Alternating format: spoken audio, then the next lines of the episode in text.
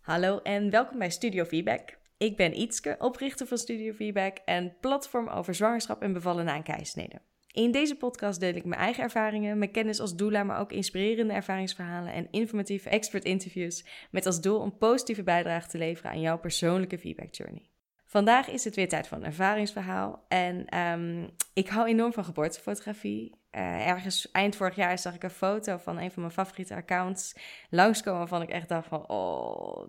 En deze foto straalde namelijk zoveel uh, liefde en trots en oh, het was gewoon magisch. En uh, toen ik zag dat deze vrouw ook nog eens een feedback had, dacht ik oeh, deze feedback journey wil ik horen. En nu heb ik die vrouw van de foto's hier te gast in de podcast. Uh, Marissa, welkom. Yay, yes. Welkom in de podcast. Um, superleuk om jouw uh, ervaringen te mogen horen vandaag. Wil je beginnen met iets over jezelf te vertellen? Ja, zeker. Uh, nou ja, ik ben dus Marissa. Ik ben 32 jaar. Um, ik werk zelf ook met kinderen, met pasgeborenen, um, als kinderfysiotherapeut onder andere. En ik heb in november mijn tweede kindje mogen ontmoeten. En ja, samen met mijn man Anthony. En uh, nou ja, we hebben eigenlijk uh, een heel leuk gezinnetje op het moment. Ja, gezellig met z'n vieren zo.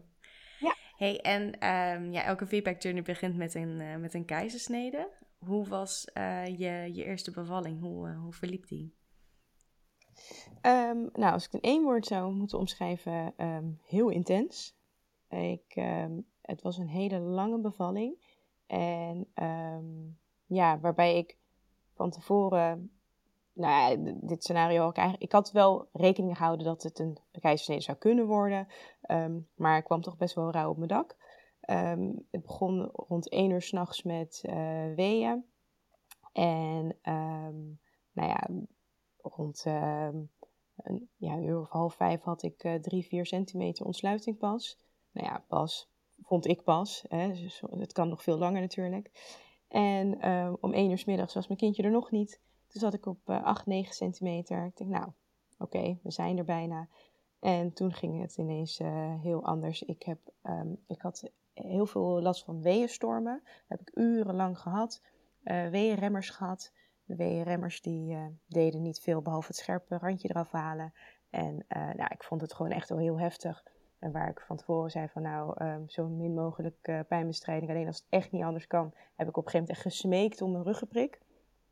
Um, en het ergste van dat vond ik eigenlijk dat ik op dat moment dus afscheid moest nemen van mijn vaste verloskundige. En um, overgedragen werd aan het ziekenhuis.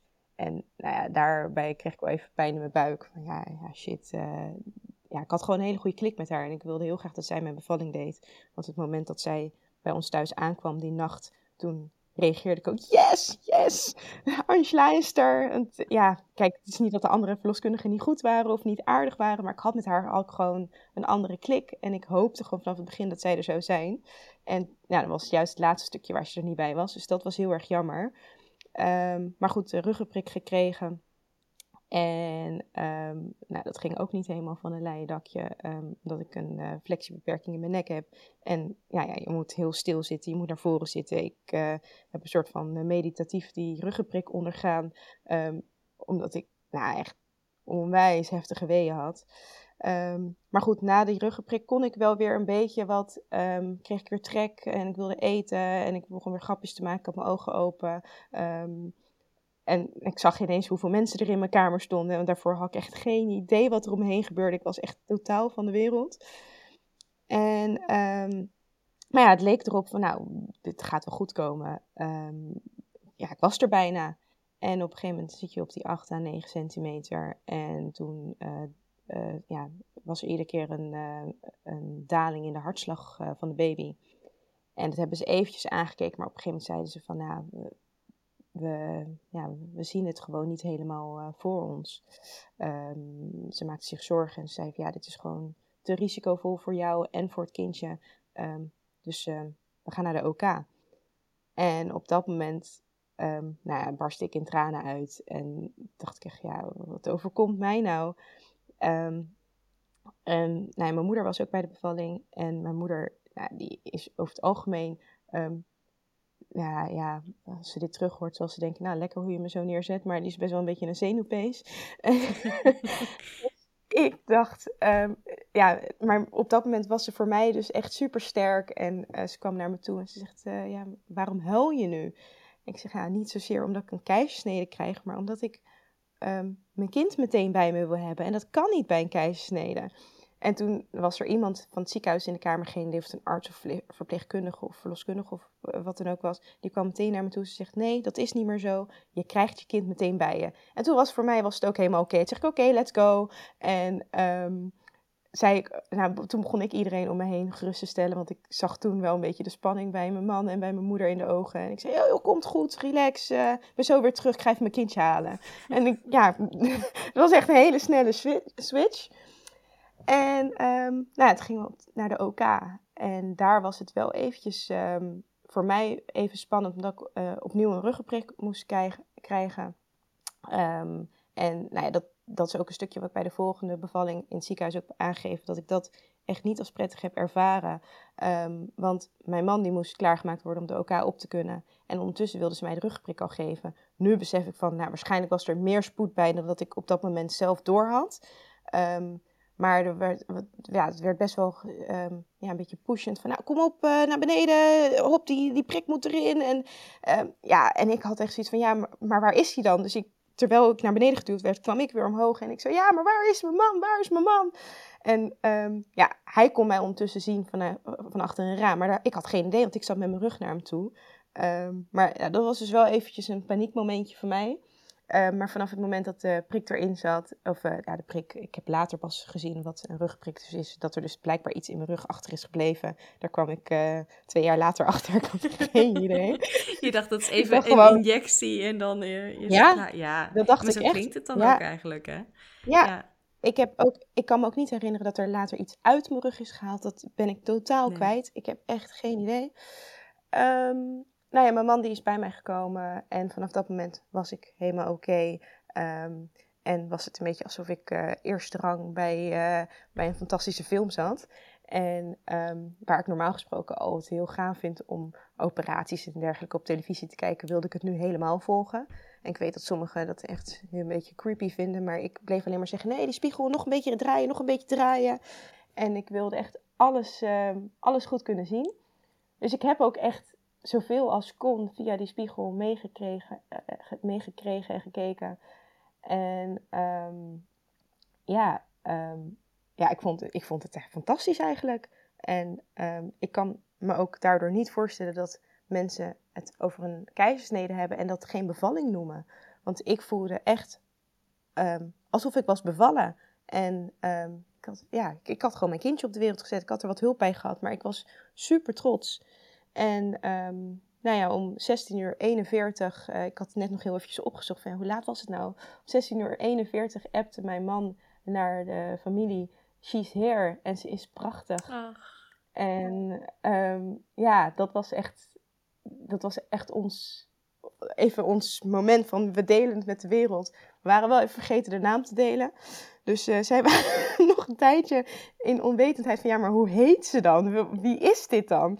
Um, dus zij heeft nog een tijdje bij de familie Meloentje geheten. Want zo heette ze tijdens de zwangerschap. Ons Meloentje. En um, ja, nou ja, ze werd bij me gelegd. En um, ze keek ons aan, meteen met een soort van ja, een blik van herkenning. Alsof ze dacht van, oh, dit zijn die stemmen die ik al die tijd heb gehoord. En het was eigenlijk gewoon meteen goed. Um, ja, zij deed het ook meteen helemaal goed. En um, um, ja, waar ik dacht van, ik, ik, dat ik het vreselijk zou vinden om op dat moment uit elkaar te zijn. Want we zijn best wel eventjes op de elkaar geweest, maar op een gegeven moment moest ik dan uh, naar de verkoeverruimte. En mijn man die ging met haar uh, al naar de afdeling, vond ik dat eigenlijk wel prima. En uh, natuurlijk hadden we daar van tevoren heel, heel duidelijk over gesproken. Van je, je wijkt niet van de zijde, maakt niet uit waar ze naartoe brengen. Um, je houdt de baby in de gaten. Um, en ja, ik heb lekker een, een, waterijsje gegeten en het ging gewoon prima met me. En op een gegeven moment werd ik, werd ik er dan weer naartoe gebracht. Maar ik vond het juist heel mooi dat hij eventjes een momentje alleen met haar had. Want ja, wij hadden al maanden uh, samen gehad, zeg maar. Ja. En um, zij hebben echt eventjes uh, samen gelegen. Um, ja, tenminste nadat hij uh, met haar langs mijn moeder is gegaan. Uh, dat vind ik wel jammer dat ik dat moment heb gemist. Want ik heb dus begrepen dat ze elkaar huilend in de armen zijn gevallen, mijn man en mijn moeder. En nou, ik had, daar, dat had ik zo graag vastgelegd willen hebben. En um, ja, nou ja, dat was de, de eerste bevalling. En um, ondanks dat het dus niet helemaal gelopen was zoals ik voor me zag. En er tussendoor um, nou, ook best wel wat zorgen even zijn geweest. Uh, vond ik het alsnog echt ja, een magisch moment. En was ik super trots. Ja, het is ook, ook gewoon echt, ja, je ontmoet je kind. Ja. Um, en, en ja, super jammer dat je op een gegeven moment met die ruggenprik dan gewoon een gemiste kans dat daar niet wat goede communicatie was geweest. Um, van wat, ja, wat gebeurt er precies? Waar is je man? Uh, ja. Kunnen we even wachten of moeten we nu echt even uh, wat stappen maken omdat het uh, beter is voor je kindje? Dat, dat is gewoon echt jammer. Maar verder is het een, ja, ik denk dat dat ook heel erg bepalend is van hoe je in de volgende zwangerschap in al die keuzes zit. Vind je, voel je het als falen en voel het als een en uh, dat iets van je is afgenomen? Of voelt het als, nou ja, dit was helaas hoe het ging. En alsnog een hele mooie manier om een kindje te ontmoeten. Nou, precies wat je zegt. Het, het, was gewoon hoe het ging. En ik was er oké mee. En uh, tuurlijk, als ik ervoor had mogen kiezen, was ik niet voor een keisnede gegaan. Um, maar ik had ook meteen na de bevalling um, zoiets van... oh ja, nee, maar volgende keer kan het anders gaan. En zo niet is het ook goed. Um, maar ik had ergens stiekem het gevoel dat het zo zou gaan zoals het is gegaan. Uh, want ik zei het ook meteen tegen mijn moeder. Ik zeg, ja mam, jij had ook de eerste keizersnede. Hè? En uh, die had de eerste keizersnede en daarna is het twee keer vaginaal bevallen. Um, dus ik had gewoon zoiets van, ja, de geschiedenis herhaalt zich gewoon. En zo gaat het bij mij ook. Ja. Ja. ja. ja. dus ook wel gelijk uh, perspectief van ja, dat dit een keizersnede is, betekent niet per se dat de volgende ook een keizersnede moet worden. Nee, precies. En er was uiteindelijk uh, is er ook geen reden gevonden uh, waarom die hartslag van mijn dochter uh, zo zakte. Um, en we waren gewoon allebei fysiek gezond, dus het was gewoon pech. Ja. Dus ja, ja het, het is gewoon zo gegaan. Ja. En dat is oké. Okay. En um, ja, je wist dus wel gewoon de volgende keer, als het allemaal kan, het liefst vaginaal. Ja. En um, je, je vertelde ook dat je baalde dat je verloskundige uh, er niet bij kan zijn. En als je medisch bent, dan is dat natuurlijk vaak volgens het protocol. Dat neem je op een gegeven moment afscheid van je verloskundige eerste lijn zorg en ga je naar de tweede lijn. Hoe ja. uh, zat je bij de volgende zwangerschap daarin? Ja, dat vond ik, ja, dat vond ik aan het begin echt niet leuk. Uh, ik heb, um, ik geloof, nou, volgens mij een uur nadat ik de positieve zwangerschapstest in mijn handen had, heb ik uh, um, uh, mijn uh, vaste verloskundige van de vorige keer een appje gestuurd. Van, yo, je ziet me binnenkort weer. en nou ja, niemand wist het nog, maar ik had gewoon zoiets van, ja, ik moet, ik moet dit haar delen. En ik weet ik veel, misschien is ze druk of zo, maar ik moet bij haar. en um, ja, ik, ik heb ook met haar besproken van, joh, kunnen, we, kunnen we niet met het ziekenhuis in gesprek. Ik wil dat jij mijn bevalling doet. Wat is er mogelijk? En ik heb het bij het ziekenhuis ook aangegeven. Um, nou ja, ik, ik, maar ik, ik ben er niet heel dwingend of heel pushend in geweest. Ik heb gewoon meer gevraagd naar de opties. En ik denk misschien als want ik, ja, ik lees ook en hoor ook verhalen waarbij het wel kan. Um, dat als ik er misschien wat, ja, wat harder in had gestaan, dat, dat er misschien meer opties waren. Um, maar ik heb het wel gevraagd en het was niet echt je merkte dat er niet meteen een opening voor was om mijn eigen verloskundige mee te nemen. Um, maar ik heb er wel voor gekozen om zo lang mogelijk um, de controles bij mijn eigen verloskundige uh, te doen. Um, op een gegeven moment waren er wel tijdens de zwangerschap wat moeilijkheden, waardoor ik uh, al wat eerder uh, in het ziekenhuis controles moest hebben.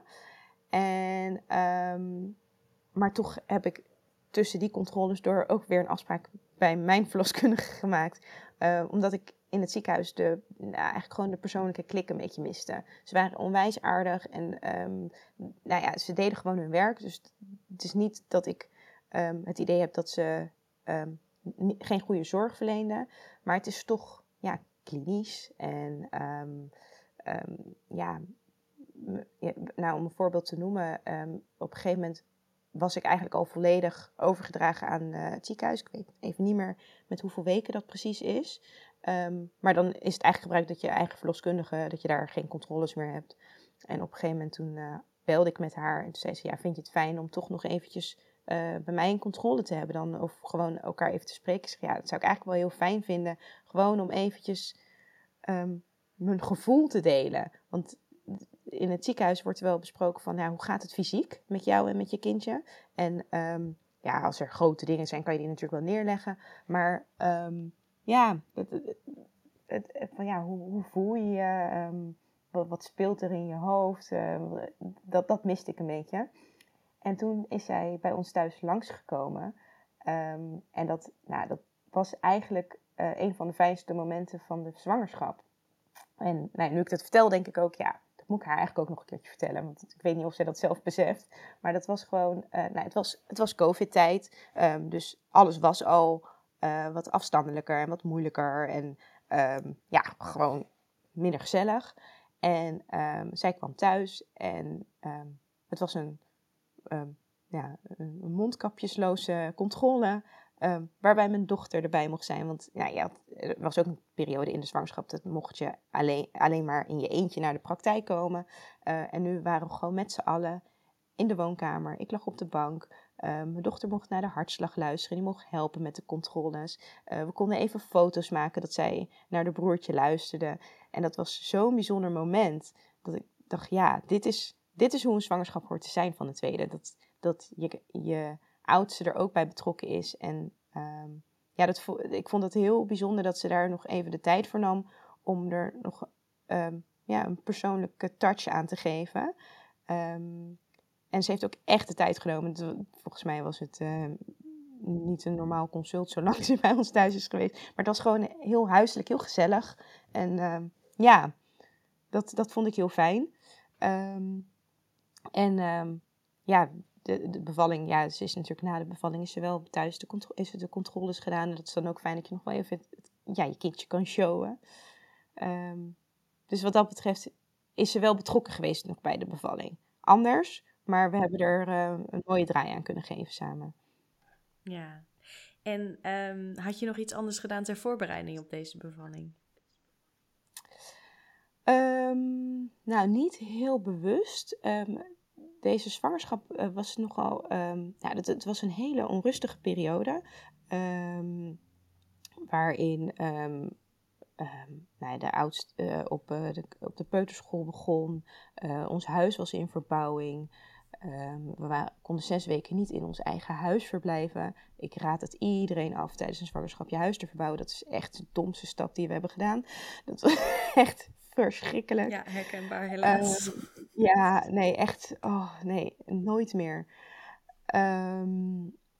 Ik heb aan het begin van de zwangerschap heb ik heel veel bloed verloren. Um, nou, dat bleek, uiteindelijk bleek dat een polyp te zijn. Um, ik ben met gillende sirenes naar het ziekenhuis vervoerd vanwege het bloedverlies.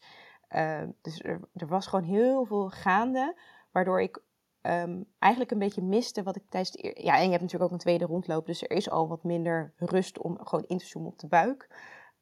Maar daardoor miste ik af en toe best wel een beetje het contact met de baby. En ik ben op een gegeven moment ben ik van die uh, stretch en relax lessen gaan doen voor zwangeren. En nou, ik kwam daar de eerste keer. En toen eh, heb je aan het einde van de les een soort van meditatiestukje. En toen lag ik dus op dat matje. En toen zei ze op een gegeven moment van, hey, je doet je ogen dicht en zoom maar even in op de baby. En vertel in gedachten maar aan de baby hoe je je voelt en nou, of wat je wilt delen. En nou, toen heb ik zitten janken op dat matje. En, maar echt, dat ik echt dacht, oh, oh, ik wist helemaal niet dat ik deze emoties had. En toen kwam ik er dus achter dat ik dat contact dus heel erg miste. Um, en daarna, na de les, vertelde ik dat ook aan degene die les gaf. En toen begon ik weer te huilen. En toen dacht ik, nou, wat is dit nou weer voor hormonaal gedoe? Wat, ik, ik kende mezelf helemaal niet zo. En daar kwam bij mij wel echt een, um, een, een, om, uh, ja, hoe zeg je dat? Een, een switch van um, omgaan met deze zwangerschap. Um, toen ben ik veel meer de tijd gaan nemen om echt bewust te genieten van het zwanger zijn. en nou, er kwamen er later wel weer zorgen vanuit echo's dat de groei misschien niet goed was. En daar heb ik er heel even zorgen over gehad. En op een gegeven moment dacht ik, weet je, ik geloof het wel. Ik ga gewoon genieten van deze zwangerschap. Ik kan die groei toch niet beïnvloeden. Ehm, en ik, ja, ik heb toen nou ja, eigenlijk een beetje, een beetje sociale afstand meer genomen van andere mensen. Ehm, en dat was meer omdat ik gewoon, ik, wilde, ik wilde gewoon even geen negatieve geluiden. En ik kreeg tijdens de zwangerschap heel vaak te horen van, oh ja, je hebt echt wel een kleine buik. En ja, kleine buik, ja, wat is een kleine buik, wat is een grote buik? en daar kan je, dat kan je niks doen. Maar op het moment dat er zorgen zijn over de groei van je baby, ehm, al weet ik dat de grootte van de buik niet zegt over de grootte van het kind, um, ja, dat, dat gaf mij zoveel stress en boosheid en frustratie. Dat ik op een gegeven moment dacht, nou, ik wil gewoon niet in de buurt van mensen komen die ook maar iets over mijn buik kunnen zeggen. Ehm, en eigenlijk vond ik dat wel lekker. Gewoon, ja, mijn gezin en ik dat was het eigenlijk op een gegeven moment. En daar speelde natuurlijk ook mee dat er op een gegeven moment uh, de corona uh, weer verder opspeelde. Um, en ik in de zorg werk en je dan extra voorzichtig bent en denkt van ja, um, niet dat ik, ik was niet heel erg bang om heel ziek te worden. Maar ik had vooral zoiets van ja, ik ga niet voor een bevalling eh, met mensen in een maandpak om me heen. Dat wil ik gewoon niet. Ik wil een zo normaal mogelijke bevalling. Um, dus niemand kwam in mijn buurt eigenlijk. Dat, uh, ja, dat, dat was mijn grootste voorbereiding. En verder, um, ja, ik heb heel veel bevallingsverhalen geluisterd en gekeken, gelezen. Um, heel veel foto's van um, vrouwen bekeken die, die net bevallen waren. ja, eigenlijk heb ik gewoon alleen maar ja, daarin gedoken van ja, wat, er, wat er gebeurt rondom een bevalling. Uh, niet alleen positieve verhalen, ook de, de, de, de gruwelverhalen, zeg maar. Ehm, en, en niet om, om ervan uit te gaan dat dat mij zou gebeuren, maar van, nou ja, dit, dit kan ook. Ehm, ja, en ik stond eigenlijk overal wel open voor, maar ik ging wel voor die vaginale bevalling. Dat was wel, uh, ja, mijn goal. Ja, en je wilde het dus ook laten uh, vastleggen door een fotograaf. Ja, ja dat, was, dat, wilde ik heel graag. Dat wilde ik eigenlijk tijdens de eerste bevalling ook al.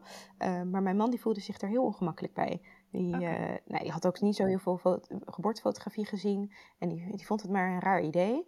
Uh, nou, vind, vinden er heel veel mensen in mijn omgeving dat. Um, maar ja, dat, ja, er zijn ook nog heel wat mensen die dan horen dat ik een fotograaf had en zeggen... Huh? Gadver, heb je dat vastgelegd? maar ja, als er iets is wat ik niet gadver vind, is het een bevalling. Ik, ja, ik vind, ik vind het magisch. En ik kan echt uren naar uh, bevallingsfotografie kijken. Um, maar ik heb hem uh, eigenlijk gewoon een beetje, uh, ja, een beetje voorbereid. Ik heb hem iedere keer wat fotootjes laten zien. En wat vind je er nou van? En op een gegeven moment zei hij, ja, ja, ja, ja, het is wel mooi. Ja, nou ja, goed, als jij het heel graag wil, en uh, nou, toen kwam Jessica langs voor de kennismaking thuis. En um, nou ja, eigenlijk toen um, zij er foto's had laten zien en had verteld hoe ze te werk ging, toen was hij om. En toen zei hij ook, nou, na tien minuten toen ze weg was, ja, we gaan het doen. En um, achteraf gezien is hij er heel blij mee. en echt helemaal verrast van, wow, kan je dit op deze manier vastleggen? En hij heeft nog minder dan ik eigenlijk moeite met uh, foto's delen. Um, ik, eh, ik vraag dan wel eens van, joh, vind je dit oké als ik dit deel? En dan oh joh, als jij het een mooie foto vindt, moet je doen. Uh, en dan, ja, dat vindt hij helemaal, helemaal prima. Um, en ja, nee, dat was wel een, dingetje. Ik wilde het heel graag vastleggen. Um, en ja, we hebben vorige keer hebben we wel foto's laten maken op de OK, gewoon door een verpleegkundige. En dat is heel mooi om te hebben. Het zijn natuurlijk niet zo mooi als die van Jessica. Uh, maar ik merkte toen al dat het voor de, ja, voor de verwerking van. Ja, het is toch wel echt een live event. Um, dat, het, uh, dat het gewoon heel veel doet. Dat je, want ik was toen heel veel kwijt van wat er nou op welk moment was gebeurd. En door die foto's dacht ik, oh ja, oh ja, oh ja, dat is ook gebeurd. Oh ja, oh ja, toen zat ik zo. Oh ja, toen lag ik zo. Oh ja, toen stond ik zo. En uh, nou ja, als je nu die foto's van Jessica door kijk, ik heb ook de eerste keer heb ik echt nou, dan zat ik, zat ik te huilen van emoties, van hoe mooi het was. En dan zat ik weer keihard te lachen van, nou, wat doe ik daar? Want ik heb echt alle houdingen aangenomen. En nou, echt, ja, het, is gewoon heel, het is gewoon heel leuk om terug te zien. En het is niet dat ik dat ehm, bij iedere visite op, uh, op de tafel leg, zeg maar. Ehm, maar ik vind het wel heel mooi om zelf te hebben. Ja, super bijzonder. Ja. Hey, en um, ja. ja. vertel over deze bevalling. Hoe, hoe kondigde de bevalling zich aan? Ja, heel anders.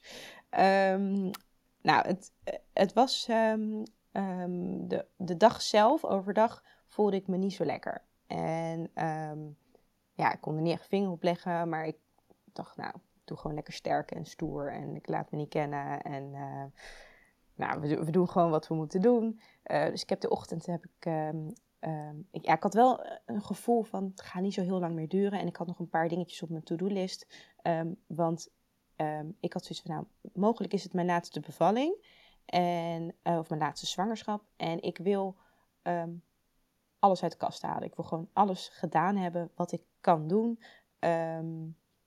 Ook omdat die, het begin van de zwangerschap zo, ja, zo, moeizaam was.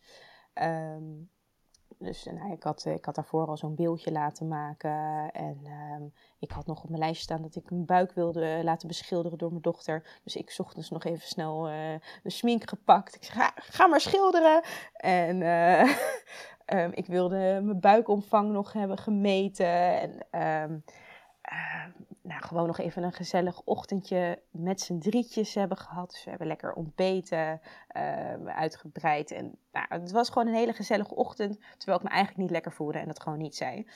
Um, begin van de middag zou mijn man gaan werken. En het moment dat hij mijn gedag heeft gezegd en de sleutel in de deur steekt, nou, er knapte gewoon iets in me. En ik dacht, nee, jij kan niet gaan werken. Ik voelde me ineens zo slecht. Ik, ik dacht, ik, ik kon mijn masker niet meer ophouden. En hij komt die kamer in, want ik riep hem terug. En hij komt de kamer in. En hij pakt meteen zijn telefoon, belt zijn werk. Van, ja, ik kan haar echt niet zo achterlaten. Um, ja, helaas. Ik hou je op de hoogte. Ja. ja, precies. En maar ik zei ook meteen, ik ga nu niet bevallen. Um, maar ik voel me gewoon niet goed. En ik kan niet vertellen wat er aan de hand is. Toen ben ik even op, haar, op uh, mijn dochters bed gaan liggen. En uh, nou ja, kort daarna gingen zij uh, naar buiten, gewoon eigenlijk om mij even ruimte te geven en om haar de energie kwijt te kunnen laten. En toen dacht ik, nou, ik, uh, ik ga toch wel eventjes mee naar buiten. Misschien is die frisse lucht wel goed voor me. Ehm, maar ik had uh, ernstige bekkeninstabiliteit. Dus nou, ik liep echt, nou, ik, ik liep echt heel raar. Als ik bedenk hoe ik toen strompelde aan het einde van de zwangerschap, het was echt niet oké.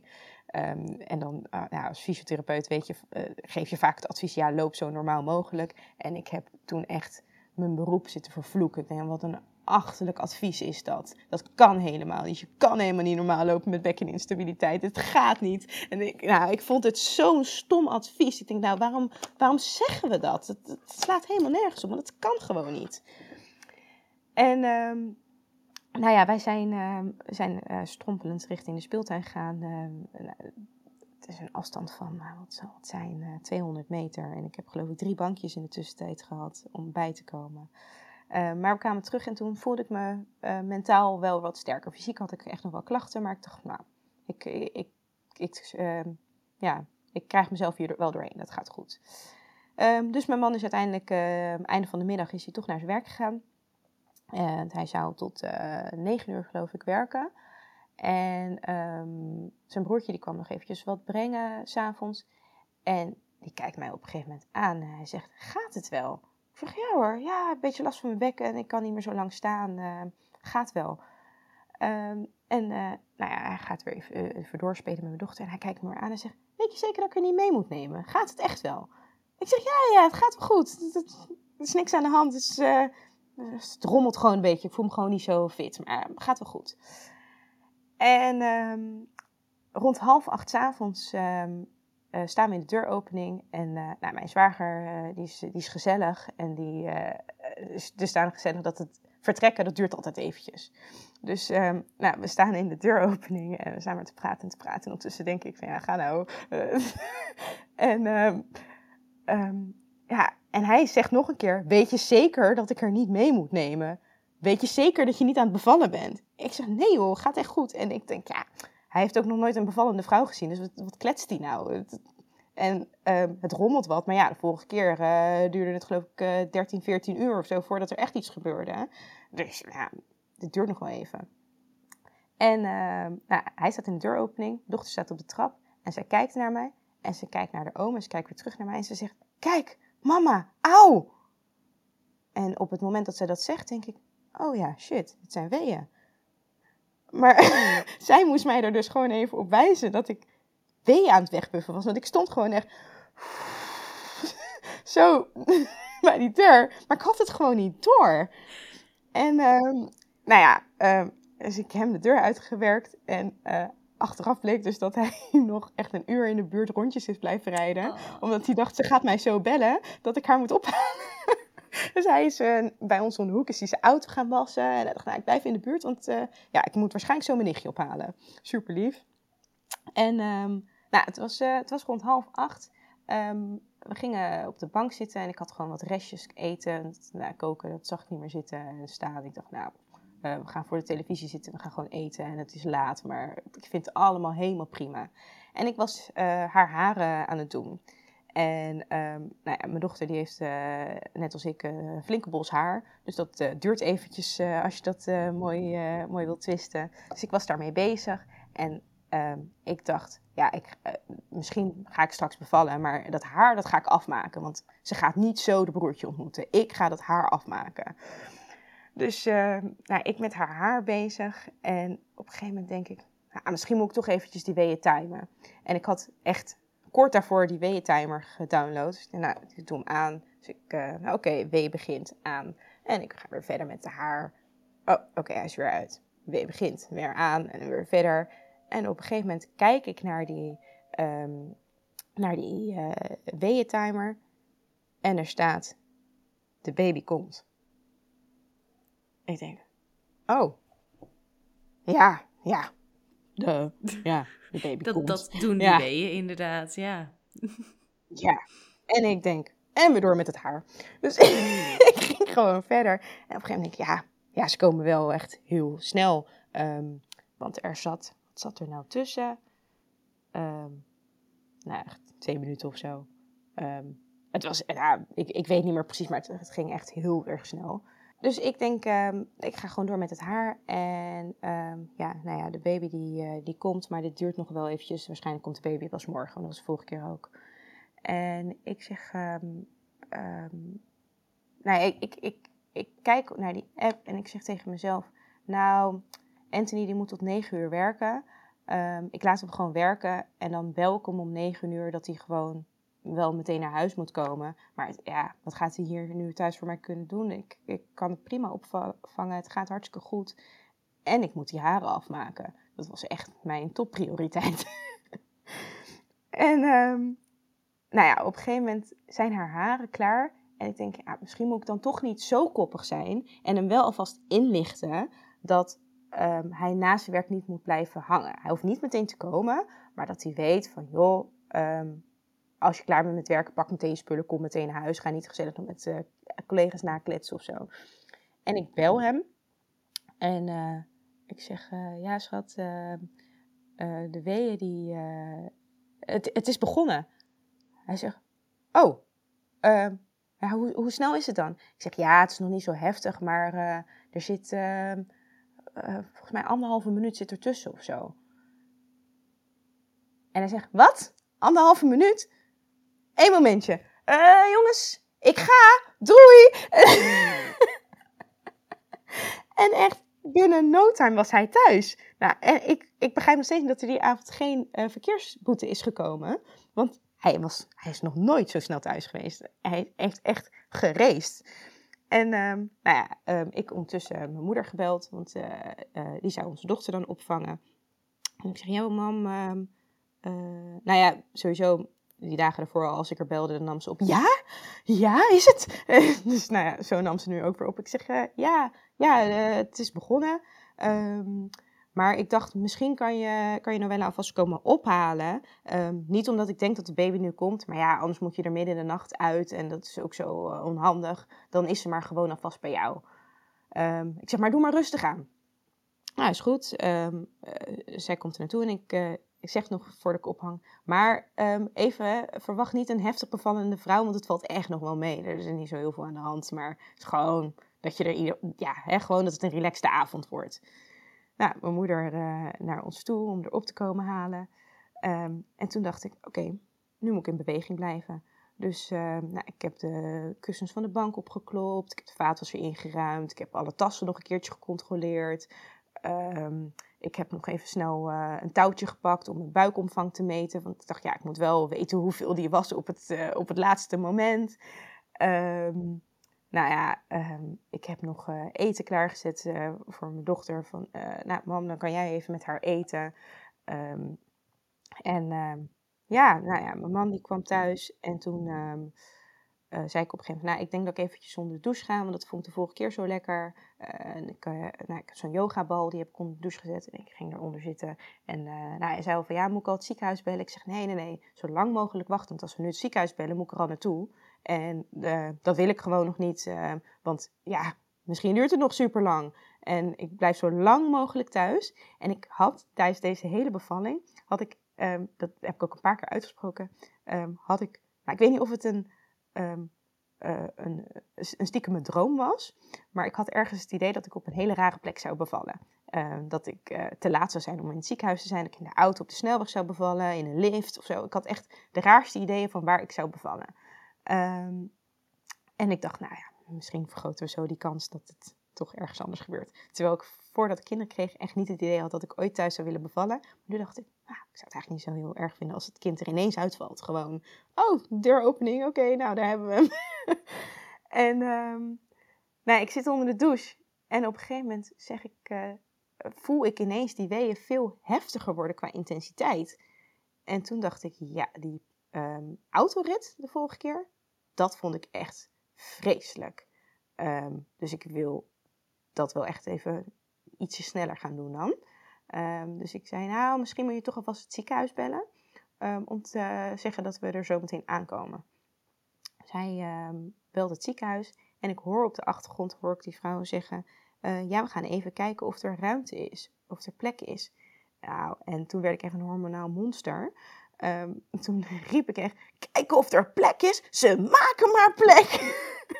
Want ik was absoluut niet van plan om in een ander ziekenhuis te bevallen. Want ik wilde per se daar. En uh, ik dacht, ja, rot toch op. Dit, dit, dit is mijn avond. Um, ik ga daar bevallen. En al moet ik in de gang van het ziekenhuis bevallen, ik beval daar. Nou ja, um, ik weet niet of die vrouw het had gehoord, maar um, ze hadden plek. Nice. Dus uh, ja, Um, nou, wij klaarmaken. Uh, mijn dochter heeft me ook nog eventjes uh, wezen wegpuffen. En uh, nou, daar reageerde ze echt super lief op. En eh, ik had haar op een gegeven moment op, op die douchekruk gezet. Dus ze stond hoog. En ik zei, ja, je gaat lekker met oma mee. En um, ja, wij gaan je broertje halen. En toen uh, reageerde ze zo lief. Um, want het was eigenlijk de het begin van de zwangerschap. Had, had het idee dat ze het helemaal niet zo heel erg besefte wat er nou stond te gebeuren. En de laatste week ineens vroeg ze steeds: Ja, wanneer komt hij nou? Wanneer komt hij nou? Was ze er echt mee bezig. En ik vertelde dus: We gaan je broertje halen. En ze doet haar handen in de lucht en ze zegt: Yay! En toen dacht ik: Yes, dit gaat goed komen als grote zus. Als dit nu jouw reactie is, ah, dat vond ik, vond ik zo mooi. Nou, ik heb haar een dikke knuffel gegeven. We zijn gezamenlijk naar buiten gelopen. Zij naar hun auto, wij naar onze auto. En um, um, ja, we komen bij die auto aan en mijn eerste reactie is... Ja, shit, we die auto niet meer gewassen. Um, ja, echt, ik maakte me zo zorgen om zulke onbenullige dingen tijdens een, zwangers, uh, tijdens een bevalling.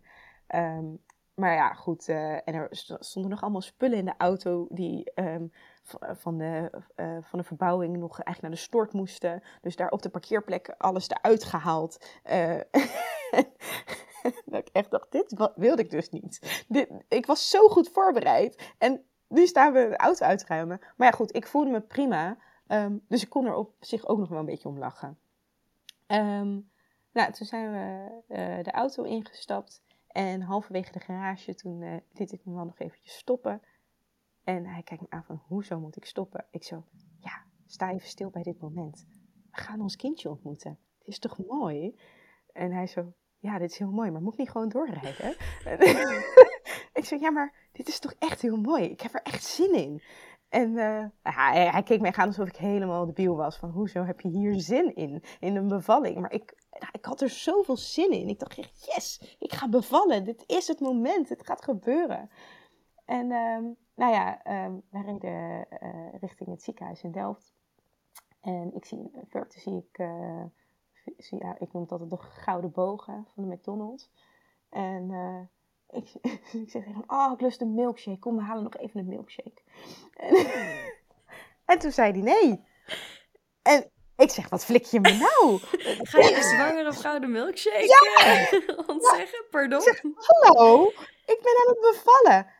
Nee, we gaan naar het ziekenhuis. We gaan echt een milkshake halen. Ben je helemaal gek geworden? Ik zeg, maar ik wil een milkshake. Ik heb hem dus niet gekregen. Oh. Um, maanden na de bevalling wel. En toen voelde, voelde, hij zich dus heel cool dat hij met een milkshake aankwam zitten. Ik zeg, ja, dat is echt maanden te laat, maar goed, bedankt. Op zich wel leuk dat hij dat heeft onthouden. ja, precies. en um, nou ja, wij kwamen bij het ziekenhuis aan. En uh, nou ja, Jessica was natuurlijk in de tussentijd al gebeld. En uh, zij was er al. Um, en nou, we kwamen in de garage aan en dat was dus al een heel groot verschil met de vorige keer. Vorige keer kwam ik um, uit de auto en ik stortte op de vloer. Uh, of op de grond van de garage, omdat ik gewoon echt niet meer op mijn benen kon staan van de weeën die ik op dat moment had. En nu stapte ik uit de auto en uh, hij zei van ja, moet ik een rolstoel halen? Ik zei nee joh, ga gewoon lekker lopen, dat is goed. Dan kan de baby lekker indalen. En nee, dat is alleen maar goed en ik voel me prima. Nou, dus wij lopen halverwege het zebrapad, midden op het zebrapad, stond stil. Oké, en we kunnen weer door. En toen kwamen we bij de, um, bij de avondbewaking van het ziekenhuis.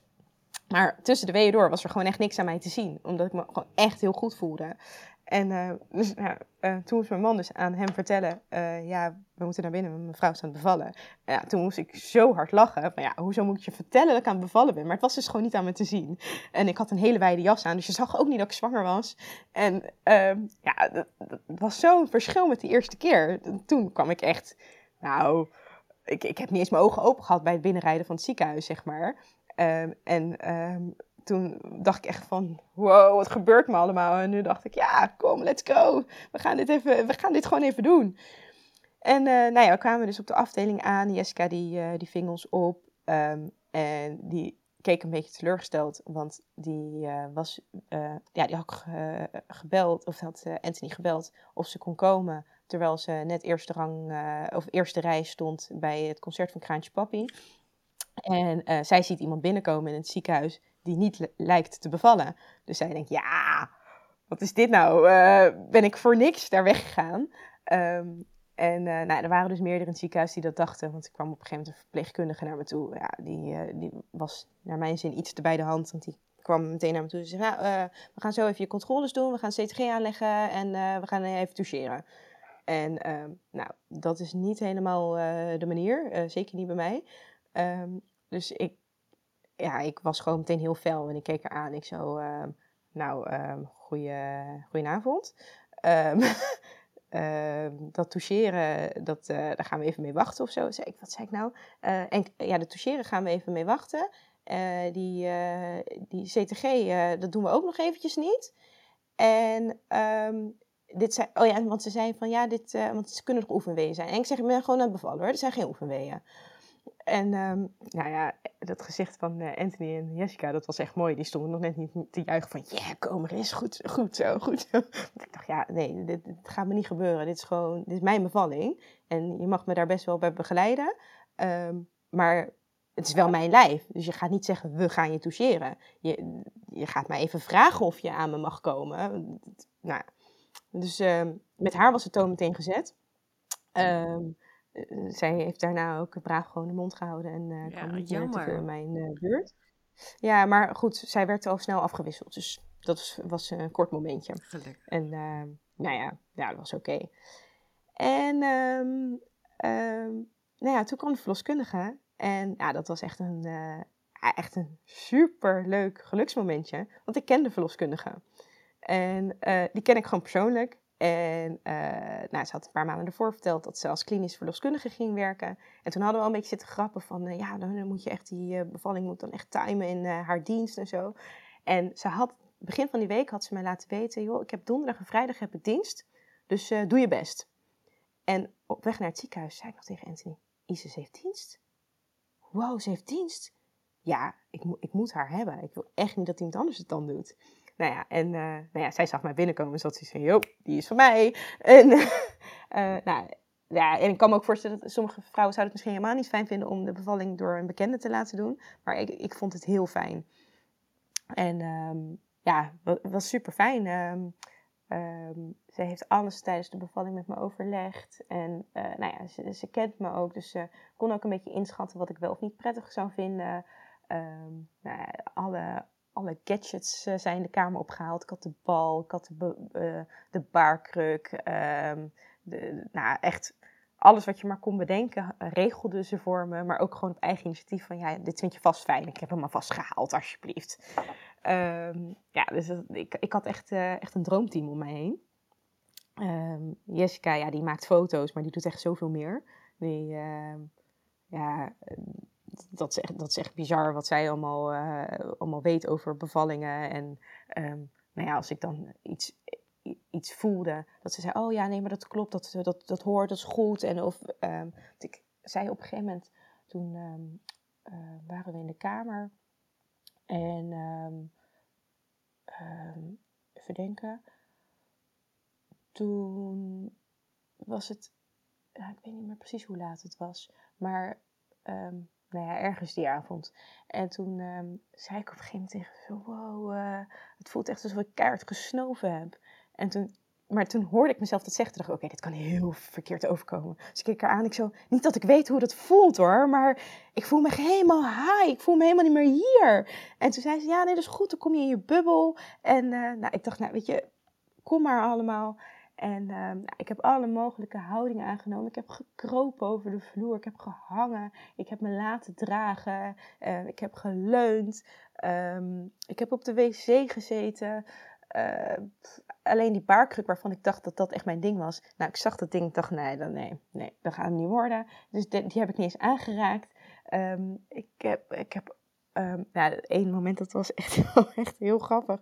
Toen, ik zat op mijn handen en mijn knieën. En op dat moment had iedereen zoiets van, oké, het gaat nu even wel heel hard. En toen dachten Anthony en Jessica, ze moet weg bij die muur. Want als ze nu ineens die baby krijgt, dan schiet die baby tegen de muur. En, dus, dus, uh, en ze vonden ook van, ja, je zit op die harde vloer, laten we even een, een handdoekje neerleggen. Dus zij hebben een handdoekje neergelegd. En ik heb dus een foto dat je het handdoekje echt een paar meter verderop ziet liggen. En dat ik gewoon ergens anders ben gaan zitten. En gewoon niet gebruik heb gemaakt van waar zij zitten.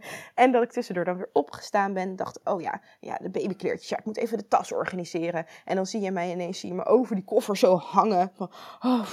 en, nou, en dan zie je de inhoud van die koffer. Nou, wat ik allemaal bij me had, sloeg helemaal nergens op. Maar ja, vorige keer moest ik een paar nachten blijven. En nu dacht ik, ja, ik ga mezelf comfortabel maken. Ik zorg dat ik alles bij Nou, uh, helemaal niet nodig geweest uiteindelijk. En um, uh, nou, het was, op een gegeven moment was het een uur of zeven. En toen, um, heb, toen zat ik op, uh, ik geloof, 7 centimeter ongeveer. Um, ja, ja 7, 8 centimeter, dacht ik. En toen dacht ik, oké, ja, nou ja, het gaat goed, maar ja, het duurt wel lang. Ja, dit, duurt wel lang, want ik, ja, ja, dit is net een beetje als de vorige keer. Want de vorige keer zat ik daar en toen duurde het vanaf, vanaf dat moment nog super lang. Dus ik ja, werd toen wel een beetje zenuwachtig van, oh, dat zal toch niet. Maar ik dacht, nee, gewoon positief blijven, doorgaan. En um, toen was het, um, even denken, hoe laat was het? Uh, kwart over tien of zo. Ja, ja, voor mij was het rond kwart over tien of zo. Zat ik op 7 centimeter, zoiets. Kwart over tien, half elf. Nou ja, exacte tijden heb ik allemaal ergens opgeschreven. Weet ik niet meer.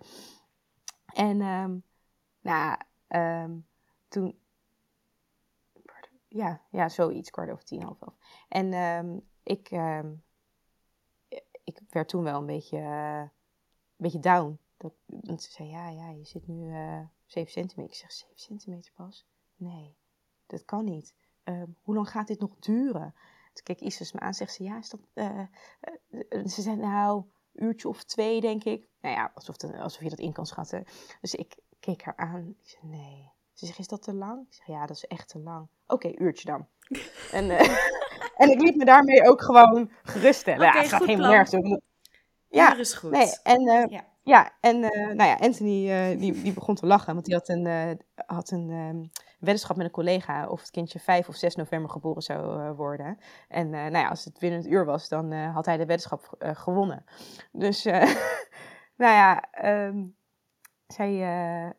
de, nou, ze gaat de kamer uit en het was, dat was ook trouwens heel relaxed die avond. Het was super druk in het ziekenhuis qua bevallingen. Dus er was eigenlijk een beetje te weinig personeel om continu iemand op mijn kamer te hebben.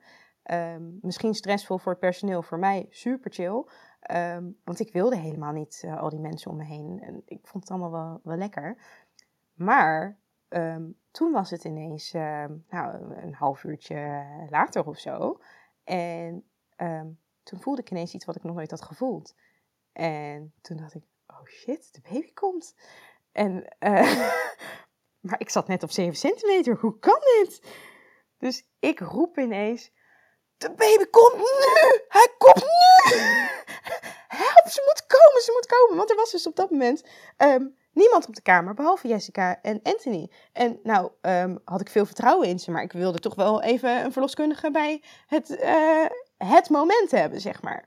En uh, nou, dus Jessica die rent als een malle die gang op en die komt terug met Isis. En uh, Isis die ziet mij en ze zegt, ja, begin maar met persen hoor. En ik denk, begin maar met persen? Maar hoe? Wat moet, wat, moet ik doen? Hoe? hoe? En um, nou ja, zij, uh, zij me er doorheen coachen en op een gegeven moment had ik het door. En um, nou ja, ik, ik volgde gewoon mijn lichaam. En um, nou, ik, ik was zo onwijs trots op mijn lijf. En, dat, en op mezelf, dat ik mijn lijf kon horen. Dat ik, dat, dat ik daar goed naar kon luisteren en dat dat werkte. Want ik, nou ja, ja um, bevallen, het is niet... Tuurlijk, je kan je erop voorbereiden. Je kan allerlei cursussen doen. Vind ik ook heel belangrijk dat je dat, je dat doet. Um, maar het voelen, ja, ze kunnen wel zeggen het voelt als poepen. Ja, het voelt niet als poepen. Um, het, het, je voelt wel een soort van die druk. Um, maar hoe ik tegen mijn vriendinnen die nog niet bevallen zijn heb uitgelegd. Ja, als dit poepen was, dan zou je zeggen, maar laat maar, ik doe het morgen wel. Um, dus dit voelt niet als poepen, want je denkt, ja, dit gaan we doen. Dit, dit gaan we even doorzetten, uh, want mijn kind is onderweg. En uh, nou ja, ik, ik, voelde gewoon van oké, uh, ademhalen, persen, ademhalen. En het, het, ging, ging echt van, als vanzelf gewoon.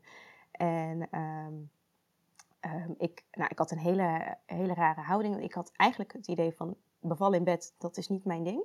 Um, ik, want ik, ja, ik vind het eigenlijk gewoon een heel gek idee dat mensen liggend bevallen terwijl een kind naar beneden moet zakken. Dus ik wilde zo verticaal mogelijk blijven. maar ik was dus na die, uh, nadat ze me had getoucheerd op 7 centimeter, was ik op het bed en ik had geen kracht meer eigenlijk om eraf te komen. En ik had een houding gevonden die echt super lekker was.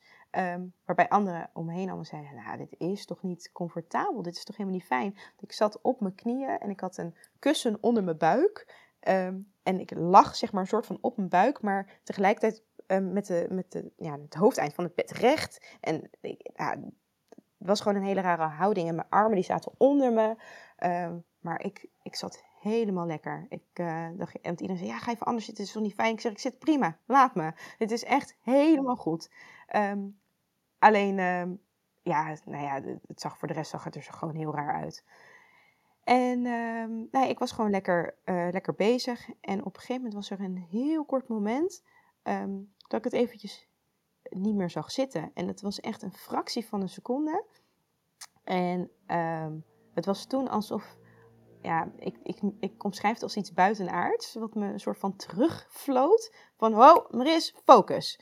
Um, want ik was echt, dat, dat, dat, ik ook voelde dat ik echt eventjes in tranen uit wilde barsten van, hey, en dat ik bijna wilde roepen, ik kan dit niet. Maar ik kan niet. Dat is, eh, ik, ik roep altijd uh, in mijn werk ook en naar iedereen en naar mijn eigen kind ook van ik kan niet bestaat niet. Het, het, uitspreken ik kan niet, dat, nou, dat zal je mij echt nooit horen zeggen. Dat al is iets moeilijk. Ik heb altijd van ja, let's go. En als iemand tegen mij zegt, je kan het niet, dan ga ik juist laten zien dat ik het wel kan. Ehm, en zo is al heel veel, zijn mij al heel veel dingen wel gelukt waarbij anderen dachten, nou, dat, dat, kan niet. En, ehm, maar ik voelde toen wel zoiets dat ik bijna wilde roepen, ik kan het niet. En toen werd ik zo teruggefloten en precies in diezelfde timing uh, zette Anthony muziek aan. En uh, dat was het nummer Superwoman van Alicia Keys. En nou, dat, is, dat is echt mijn lijflied. Um, nou, in alle moeilijke momenten zet ik dat niet altijd op, maar ook gewoon wanneer ik ja, gewoon denk van nou, ik, uh, even een krachtig nummer. En hij zette dat nummer op en het was gewoon um, de, de kamer vulde zich met alleen maar positief, positiviteit. En de, nee, ik kreeg weer volledige kracht. En dacht, ja, oké, we gaan weer verder. En weer persen en, en weer ademen. En nou, het ging gewoon helemaal goed. En op een gegeven moment, um, uh, in een van de persweeën, draai ik naar mijn zij. En Ise zegt ineens, ja, pak hem maar. Ik denk, huh, pak hem maar? Dus waarschijnlijk tijdens het draaien was zijn hoofdje geboren. En uh, nou, het was dus een stiekem een droom voor mij om zelf mijn kindje aan te pakken bij de geboorte. Maar dat durfde ik niet uit te spreken, omdat ik weet dat dat niet altijd kan. En ik dacht, als ik het uitspreek en het uh, lukt niet, dan ben ik teleurgesteld. Um, dus ik heb het niet eens aan mezelf durven uit te spreken.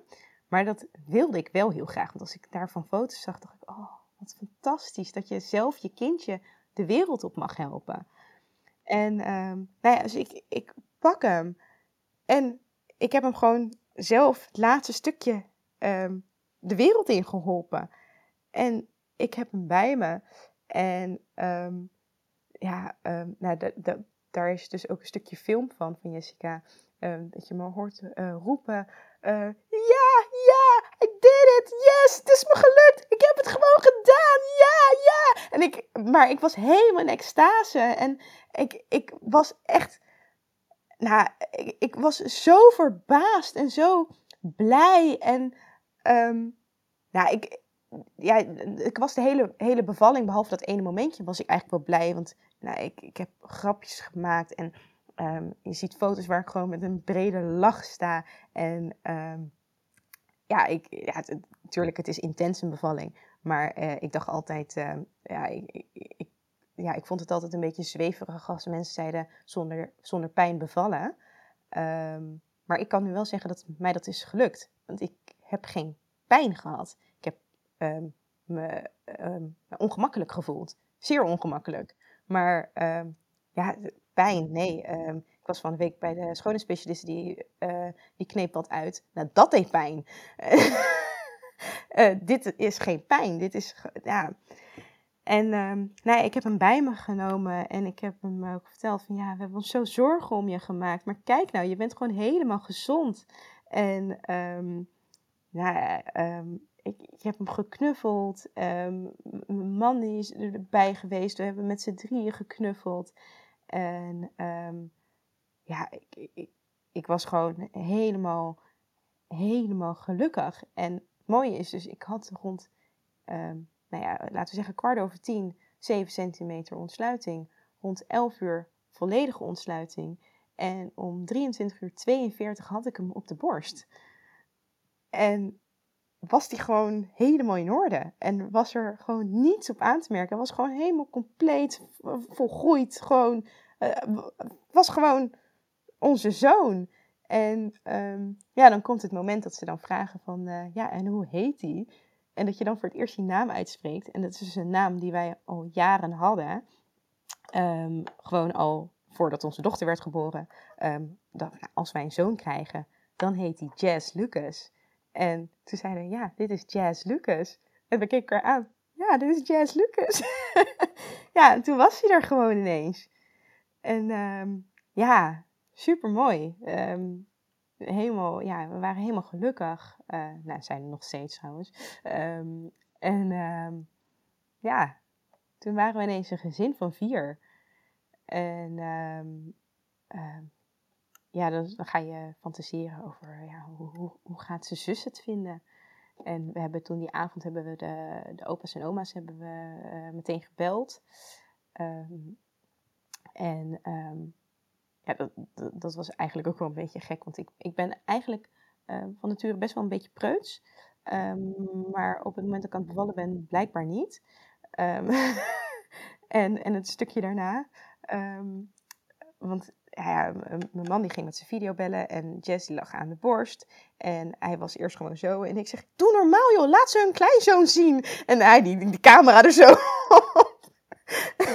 En terwijl, normaal gesproken zou ik... Het is niet dat ik, dat ik denk van borstvoeding moet je helemaal afschermen of zo. Maar ik zou het niet zeg maar zo in een gezicht van een opa of zo doen. Maar ja, het, het, het liep gewoon zo. En het, het, was voor het moment was het prima. En ik dacht ook van ja, als je het niet wil zien, dan kijk je maar lekker weg. Ehm, maar dan heb je je kleinzoon gemist. Ja. En, uh, maar het is op zo, oh, zeker uh, op zo'n moment gewoon het meest natuurlijke in de wereld. Ja, precies, ja. ja. Nou ja, en um, Jessie deed het dus hartstikke goed. Um, alleen, ja, en toen zeiden ze ook van ja, er is eigenlijk geen plek in het ziekenhuis, dus jullie moeten straks wel gewoon naar huis. En um, waar ik van tevoren dacht, ja, lekker, gewoon meteen naar huis, dacht ik toen, zo, maar ik ben moe. Ik wil gewoon hier blijven, even slapen en morgen, morgen vertrekken we wel. Dus toen dacht ik, oh, dat is een beetje jammer. Um, nou ja, toen heeft Jess ons eigenlijk gered, want die kon zichzelf niet helemaal op temperatuur houden. Dus we moesten een nachtje blijven. Ik maakte me totaal geen zorgen om hem, want hij zag er hartstikke goed uit. Maar ik dacht, nou prima, als dat de reden is. We hebben een reden, we blijven even een nachtje. En uh, krijgen we ontbijt op bed en zo. en uh, ja, je ziet die hele lijst met klusjes die thuis nog eens overbleven. Zie je ook allemaal niet. Ja. Het is gewoon even lekker de bubbel. Alleen jullie, alleen Precies. de focus op jazz. Ja ik, ja. ik vond het echt best wel lekker. Ja. En um, nou ja, toen de volgende ochtend, um, toen voelde ik me dus, ja, ik voelde me heel goed. En ja, dan uh, zeggen ze, ja, je mag naar huis als je hebt geplast.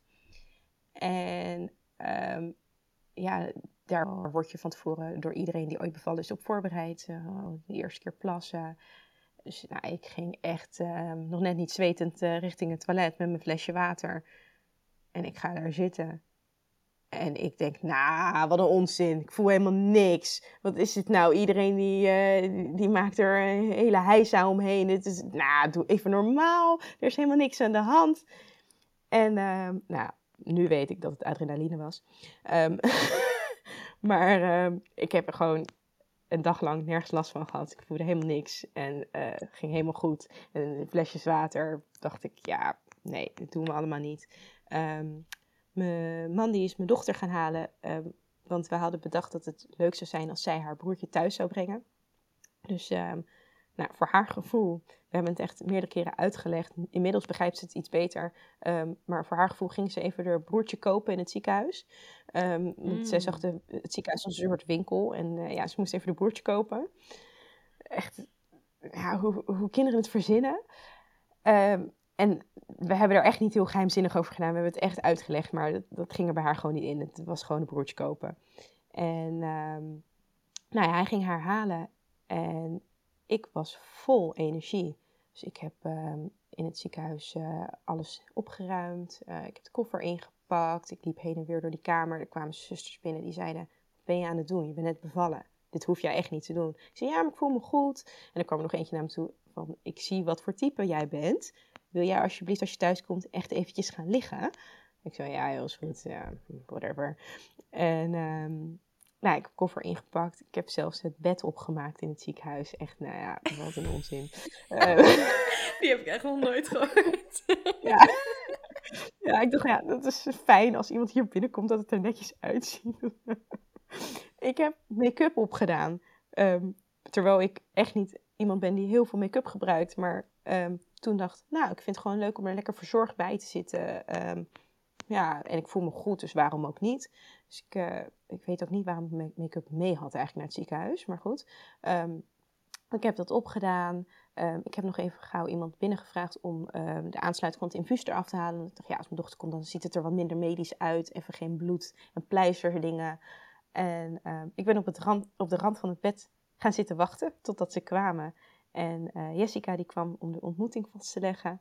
En nou ja, Anthony die liet mij weten um, dat ze het ziekenhuis inkwamen, zodat we gereed waren. En um, ja, mijn dochter kwam binnen en dat was heel bijzonder. Um, want ze, nou ja, ze liep gewoon naar mij toe, maar heel stilletjes en heel voorzichtig van ja, wat is hier nou precies aan de hand? En ze gaf me een knuffel en ze had eigenlijk niet in de gaten dat hun broertje ernaast lag. Ehm, en op een gegeven moment zei ze, waar is de baby? Ik zeg, daar. Oh, oh. En ze bleef heel stilletjes kijken en ja, ze, is, ze, kan best wel een pittige, drukke tante zijn, maar ze was echt heel rustig. Nou, ik heb hem bij me genomen. Ik heb hem ook eventjes gevoed, dat ze dat meteen kon zien. En uh, ze heeft hem een kusje gegeven en zijn handje vastgehouden en hem uh, nou ja, een beetje ondersteund uh, vastgehouden. En ehm, het was meteen goed. Ze, ze vond het meteen prima dat hij erbij was. En um, um, ze wilde helpen. En ja, het, was, het was meteen. want ja, het is toch, je, gooit haar leven ook even overhoop. maar ze heeft dat zo goed gedaan. En we waren allebei echt onwijs trots hoe ze dat oppikte. Van nou, oké, nou, ik heb nu dus een broertje. Natuurlijk uh, heeft ze daarna echt nog wel eens momentjes gehad van, uh, ja, uh, hoezo kan ik niet op schoot zitten dan? Um, maar over het algemeen ja, heeft ze dat gewoon echt heel goed opgepakt. En toen gingen we samen naar huis. En um, um, ja, we kwamen thuis, de kraamzorg kwam. En dat, nou, daar had ik dus ook wel een sterk voorkeur in. Want uh, heb ik ook de kraamverzorgster van de vorige keer uh, weer gevraagd. Waar ik een hele goede klik mee had. Uh, dus nou, ook heel fijn om haar dan weer te zien. En ehm, ja, is een soort van cirkeltje rond. Ze heeft mijn, mijn dochter als mini gezien. En vervolgens ziet ze mijn dochter grote zus worden. Um, ja, en ze, ze ziet um, hoe ik net als toen denk oh, dit kan ik allemaal wel. Alleen bij de keizersnede kon ik het dus gewoon echt niet. En nu lukte het best wel. Um, nou er was al uh, uh, een lekkere soep door mijn ouders uh, gebracht. Ja, en we kwamen thuis en ja, toen begon ons nieuwe leven. En we zijn toen ook echt een tijd alleen met z'n viertjes thuis geweest. Um, ja, wat sommige mensen misschien een beetje gek vinden, um, hebben de opa's en oma's ook niet langs laten komen. Um, die zijn wel aan de deur geweest. Uh, want wij hebben, ik geloof, een maand lang niet zelf hoeven koken. Iedere dag was er iemand die eten voor ons bracht. Ja, dat was zo chill. Dat was echt, nou echt, ik wens dat iedere uh, pas bevallen vrouw, maar ook uh, nieuwe vader toe, dat mensen eten voor je brengen. Dat, nou, dat was zo lekker. Ja, echt het beste uh, cadeau. En, ja, of mensen die, uh, een vriendin die zegt, joh, ik kom je dochter halen, ik ga even met de buiten spelen, dan kunnen jullie even slapen. Nou, echt, dan, op zulk moment kom je er echt achter hoeveel lieve mensen je om je heen hebt. En um, nou ja, we hebben dus de eerste week hebben we niemand ontvangen. Um, ja, even bij de deur zo, baby laat zien, hè, dit is hem. En dat was het. En dat was heel fijn, want we konden heel goed aan elkaar wennen. Um, voor mijn dochter was het ook niet meteen van, oh ja, iedereen die komt nu voor de broertje langs. Um, maar uh, wij worden eerst eventjes samen één en daarna komen de mensen langs. Nou kwamen er niet superveel mensen langs, omdat we natuurlijk ook gewoon uh, nog steeds uh, met allerlei beperkingen zaten. maar ja, ik vond het stiekem helemaal niet zo erg. En nu zijn er nog steeds mensen die nu acht maanden later op kraamvisite komen. Dat mag je dan niet meer zo noemen, maar... We hebben nog steeds beschuit muisjes in huis. Ja, nou ja, helemaal prima. Gewoon lekker rustig aan ja. lekker rekken. Ze zijn ja. nog zo lang uh, lief en klein en schattig. Ook Precies. met acht maanden. Ja, nou inderdaad, ja. En nu lacht hij bewust terug. Dus dat is voor, uh, voor de visite ook leuk. Daarom, daarom, absoluut. Ja. Nee, heel mooi dat jullie gewoon je eigen tempo uh, hebben gevolgd daarin. Ja. Wat een verhaal, Marissa. Ja. Fantastisch. Ja, nou dat is inderdaad wel het woord wat het omschrijft. Fantastisch. En uh, ja, wat ik ook na de bevalling bleef roepen een paar dagen lang, buitenaards. Ik vond het echt buitenaards wat ja. me was overkomen. Ik dacht, ja, dit, dit, hoe, hoe ga je dit omschrijven wat mij is gebeurd? Ik heb gewoon een kind op de wereld gezet. Dat had ik al een keer, maar nu heb ik ook de andere manier mogen ervaren. En um, ja, ik, ik heb dat op, op pure ja, oerkracht gedaan en gewoon gevoeld wat mijn lijf zei. Nee, dat, dat is ook. Ik heb een paar notities gemaakt, onder andere dat je dus zo goed in die bubbel bleef, heel lang. Die van, oh, dit is, gaat nog goed, er is niks aan de hand. We gaan gewoon rustig door. Heel goed geluisterd, gevolgd. Die bubbel ook bewaakt uh, toen de mensen uh, daar enigszins uh, met je in kwamen rommelen. En ook uh, qua houdingen gewoon heel goed je lijf gevolgd. Super mooi. Ja. Want wat je zei van ja, we zien nu in, in films en series allemaal van ja, je bevalt uh, schreeuwend op je rug. Uh, mm -hmm. Terwijl iedereen je benen vasthoudt. Ja, dat is dan waar je een beetje geconditioneerd wordt. Dat je denkt, oh dat hoort. maar hoe dan wel? Ja, dat is moeilijk. Dan moet je echt volgen van wat, wat, wat zegt mijn lichaam? Moet ik staan? Moet ik hurken? Moet ik kruipen? Moet ik alle vieren. Wat is die houding? En bij jou dus, nou ja, uh, op je knieën, buik eronder en uh, buik op ja. een, uh, een, kussen. En, en dan op een gegeven moment draaien. Ja, als je dat echt kan volgen, is dat echt super mooi. En heeft dat waarschijnlijk ook bijgedragen aan hoe je die weeën hebt ervaren als, als intens, als krachtig, maar niet als pijn. Nee, precies. Nee, het was gewoon communicatie. Ja. ja. Hey, Don, dankjewel voor het delen van je verhaal. Ja, jij ook bedankt. Ik vond het uh, heel leuk om te delen. Leuk om weer eventjes terug te gaan naar dat moment.